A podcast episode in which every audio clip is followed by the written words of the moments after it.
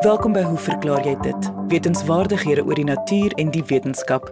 Jy vra die vraag en ons span beantwoord dit. My naam is Lise Swart en ons paneelkenners vandag is teoretiese fisikus professor Hendrik Geier, entomoloog Dr Johan Pretorius en ekoloog Duif Peppler.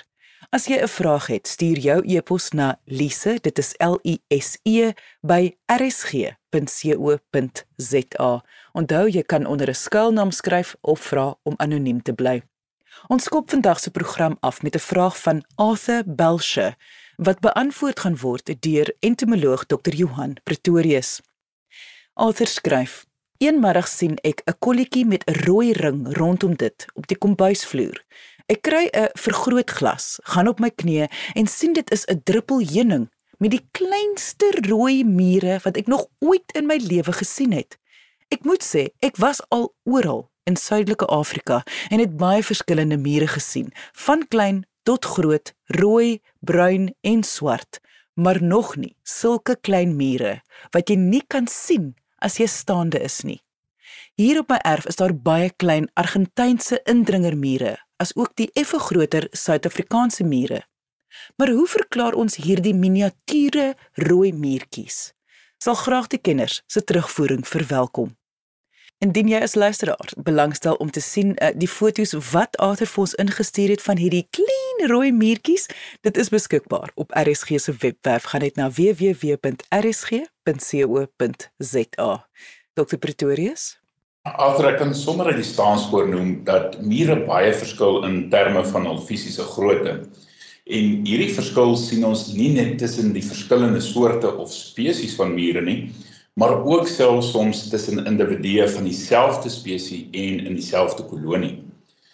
Maar voor ons by die klein muurtjies uitkom, kan ek dalk net gou iets sê oor die groottes, net om dit bietjie in konteks te plaas. Van die grootste mure bekend is die reuse Amazoniese mure.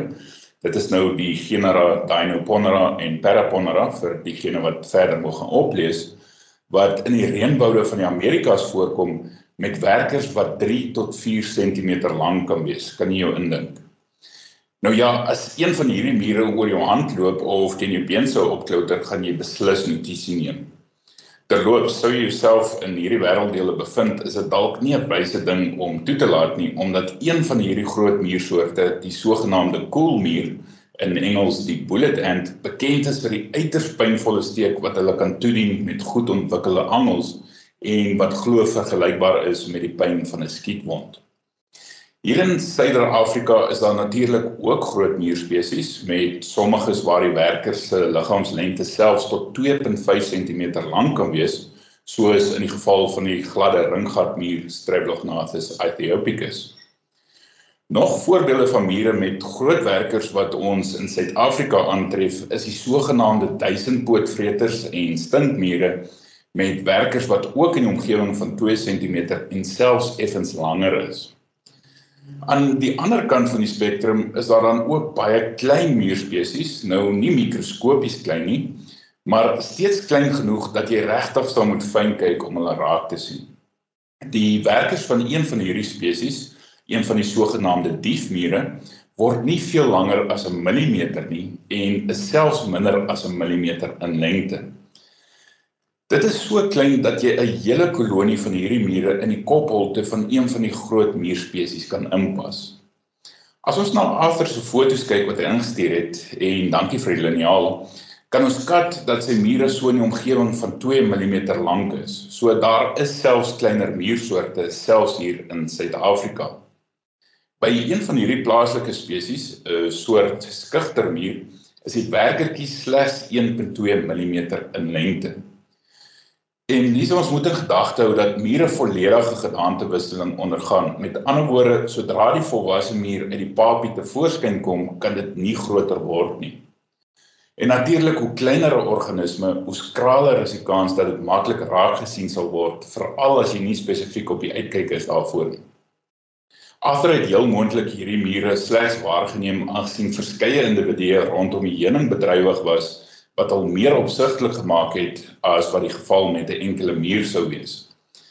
En om klein te wees hou sekere voordele vir mure in. Byvoorbeeld, neste kan in klein spasies gemaak word en hulle kan hulpbronne benut wat ontoeganklik is vir groter spesies.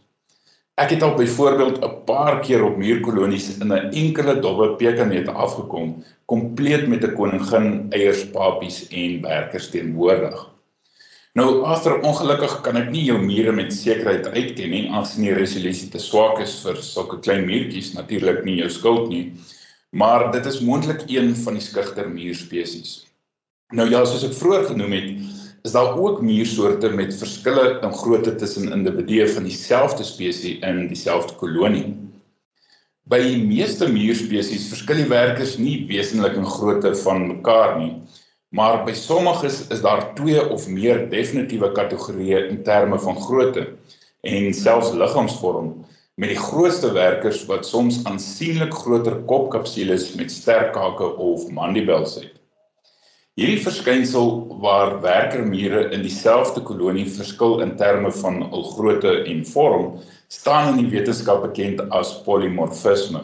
Poly vir meer as een en morfisme vir 'n spesifieke vorm, so meer as een spesifieke vorm. In ekstreme gevalle weeg die kleinste werker slegs 1% van die grootste werker se gewig soos by sekere kommandomure ook bekend as rooi mure wat in Afrika voorkom terwyl die kleinste werkers van die Oos-Indiese plunderaarmuur slegs 0.2% die massa van die grootste werkers weeg. Nou Elise net om dit in konteks te plaas, as hierdie variasie in grootte onder mense voorgekom het, sou die swaarste volwassenes argumente onthaal 100 kg geweg het terwyl die ligste volwassenes slegs 1 kg sou weeg. Hierdie verskynsel is veral die geval by muurspesies waar elke lid van die kolonie gespesialiseerd is om 'n spesifieke taak of take te verrig. Hoewel daar sommige uitsonderings is, het baie muursoorte koninginne wat bietjie of selfs baie groter as die werkers is.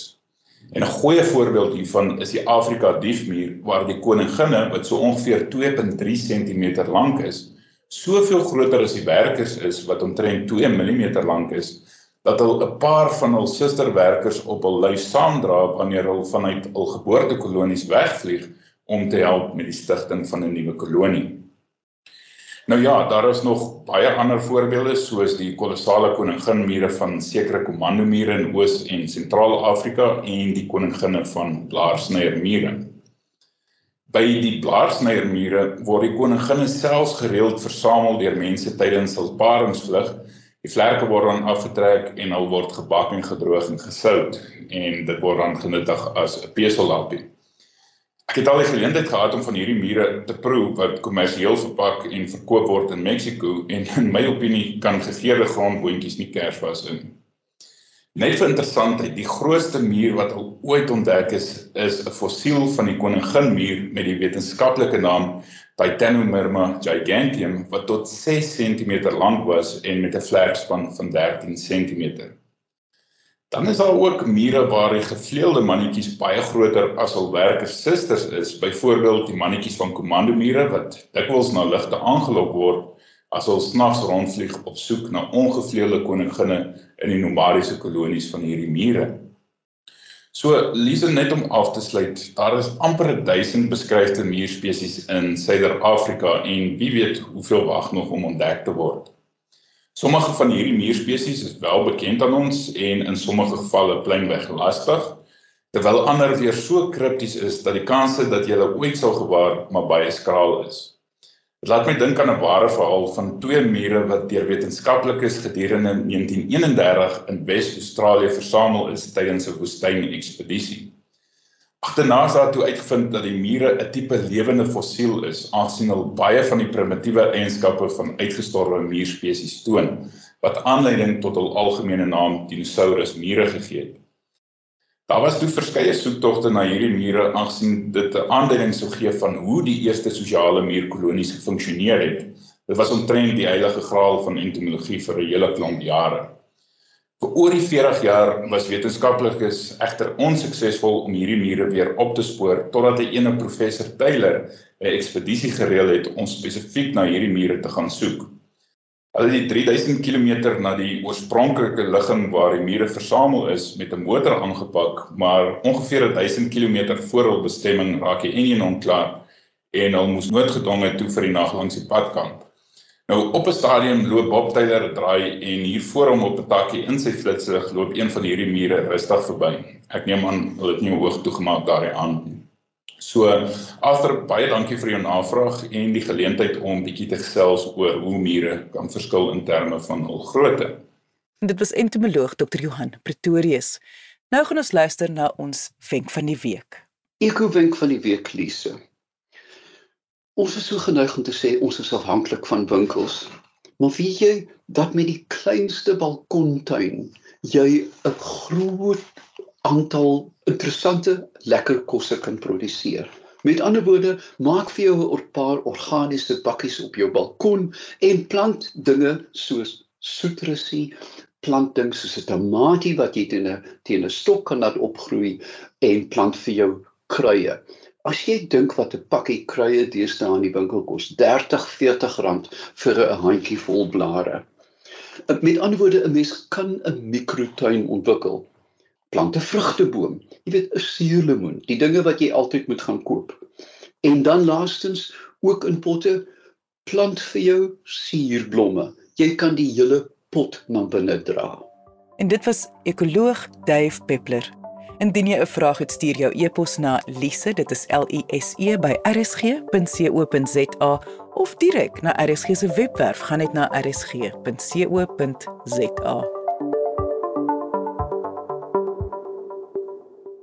Volgende vra Andrei Olivier van Klerksdorp 'n vraag wat deur teoretiese fisikus professor Hendrik Geier beantwoord sal word. Lise, kan die span dalk vir ons verduidelik waar die geografiese middelpunt van Suid-Afrika is?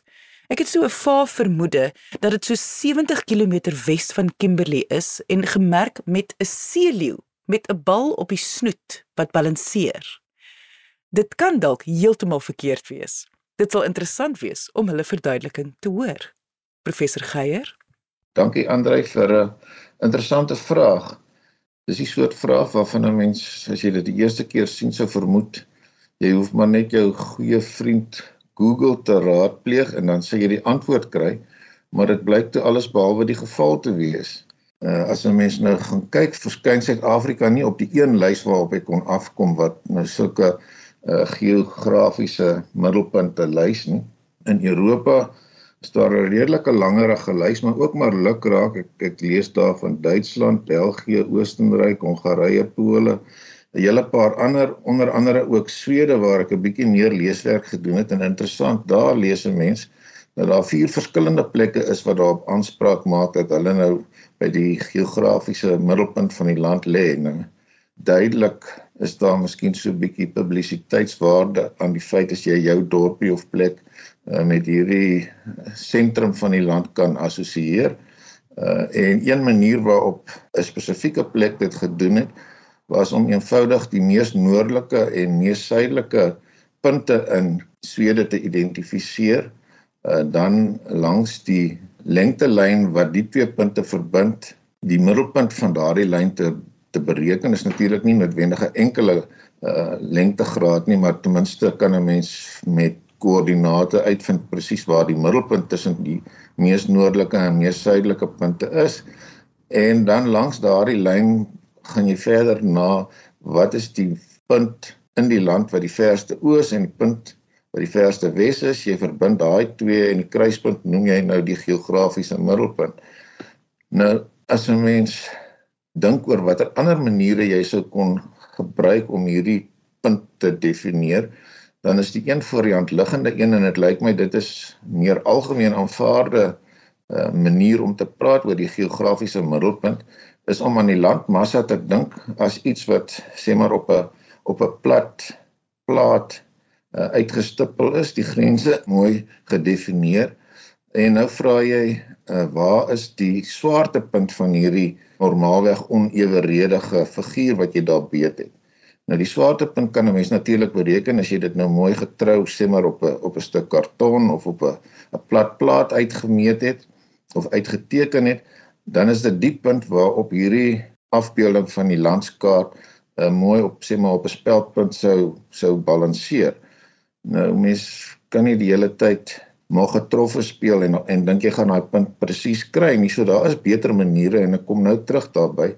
Laat ek net sê die een een omgewing waarin ek so 'n bietjie van 'n bespreking kon kry vir wat dit in Suid-Afrika se geval uh, sou behels is deur karavaan entoesiaste uh, neergepen. Een van hulle maak ook hierdie berekening van die punte mees noordelik en mees suidelik. In Suid-Afrika se geval is dit natuurlik suidelikste punt Kaap Agulhas en die noordelikste punt daar uh, op die grens met Zimbabwe en oos en wes sover soos wat jy langs die ooskus en weskus kan opbeweeg tot jy uiteindelik by ons grens met Namibië onderskeidelik uh, Mosambiek aankom en en dan kan jy op hierdie manier ook twee lyne trek en dit gee vir jou 'n punt uh, nie noodwendig 'n punt wat ooreen sal stem met wat ek nou pas die swaartepunt genoem het nie. Nou een van die ander karavaan entoesiaste het uh frustrerend genoeg 'n 'n kaart afbeelding daar gehad het vir my gelyk soos 'n foto ehm um, waarop daar drie punte aangegee word, uh, maar daar's geen verwysing na waar hierdie berekening gedoen is nie. Die drie punte wat op hierdie kaart gewys word is die punt verste weg van die see, Uh, dit lê ergens op die grens met Botswana. Dan die een wat ons beskryf het, die beskrywing op hierdie kaart praat van die wiskundige middelpunt van 'n veelhoek. Nou ja, en ek ek het gesien daar is so 'n poging gewees om 'n sirkel te trek wat uh, min of meer die kuslyn van Suid-Afrika volg. Dit sny so 'n bietjie van die Wes-Kaap uit en las 'n bietjie hier aan en so aan so dan kan 'n mens op hierdie manier miskien gedink het dat jy hier met 'n 'n veelhoek of eintlik 'n sirkel te maak het waarvan jy die middelpunt sou kon bereken. Uh die koördinate terloops wat daar aangegee word is stem nogal redelik ooreen met koördinate wat ek sommer op 'n redelike grouwe manier bereken het. So, eerstens is interessant dat daar geen verwysing eers op die internet is na waar hierdie punt in Suid-Afrika sou wees uh, anders as wat ek nou pas beskryf het nie. En Andre se beskrywing van die seeleeu met 'n bal op sy snoet wat daar balanseer, ek kon geen verwysing daarna kry nie. So miskien is daar van ons luisteraars wat iets hiervan weet en vir ons iets vir ons daarvan kan vertel of laat weet. Andre praat van 'n plek so 70 km wes van Kimberley. My eie berekening het gewys dat dit eintlik nader lê aan 'n punt wat die reguit lyn tussen Bloemfontein en Kimberley verbind uh omtrent so 60 km langs daai lyn weg van Kimberley af. Nou hoe het ek by hierdie punt gekom? So vir enige oneweredige plat figuur kan 'n mens as dit ware eksperimenteel die massa middelpunt bereken anders as om nou soos ek aan die begin gesê het te probeer en tref te raai waar jy hierdie ding op 'n skerp punt sou kon balanseer en dan telkens probeer verfyn totdat jy nou 'n punt kry waar hy mooi balanseer.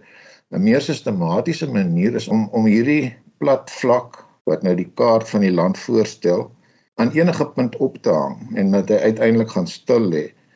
En dan trek jy 'n loodlyn van daai punt waaraan hy hang af. Nou die manier waarop ek dit gedoen het nadat ek nou vir my 'n kaartjie op 'n karton uitgesny het van Suid-Afrika.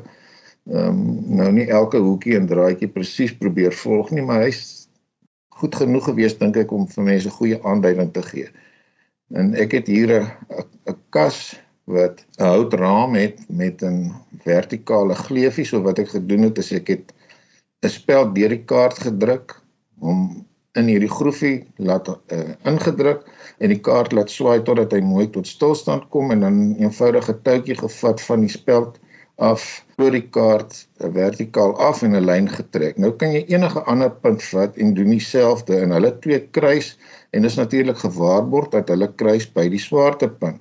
Nou as jy miskien skepties is oor hoe akkuraat jy gewerk het en jy nou nog 'n derde lyn konstrueer, hy behoort presies by die snypunt ook weer te gaan. In my geval was die afwyking kwaliek 'n millimeter. Met ander woorde, jy kry daar so 'n klein driehoekie, maar dis goed genoeg om nou 'n punt te bepaal wat jy die swaartepunt kon noem. En ek het verder getoets deur daai kaart op die punt te balanseer op 'n naald en hy het goed genoeg gebalanseer soveel sodat as ek hom net so 'n millimeter of 2 in enige rigting geskuif het, het die ding omgekantel.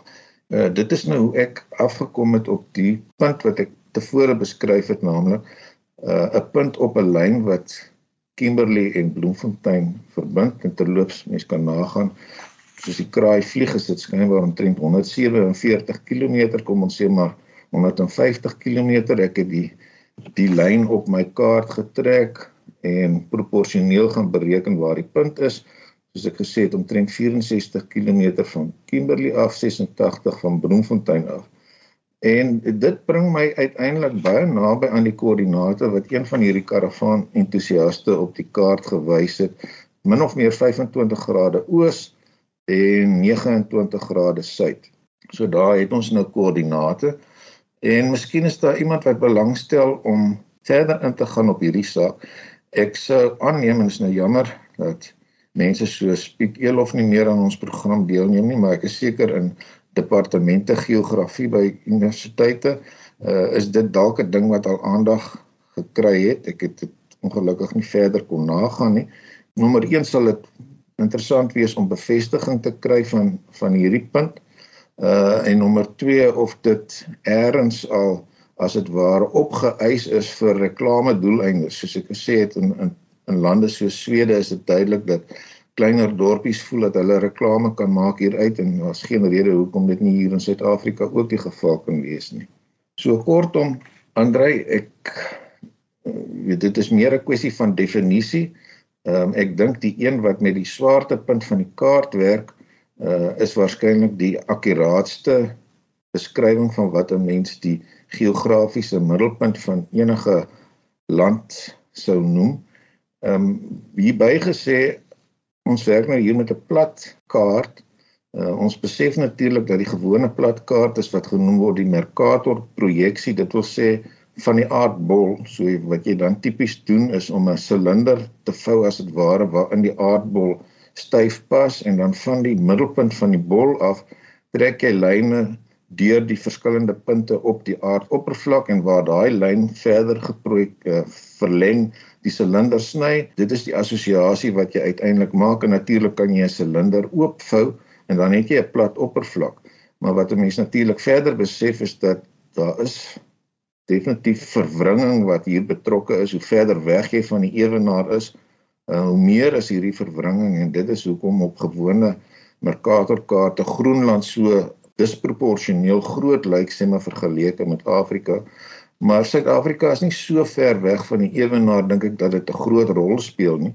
Uh, ek moet sê die punt wat ek bereken het het nie gaatjies uitgesny wat voorsiening daarvoor maak dat beide Lesotho en Swaziland nie deel is van die van Suid-Afrika nie.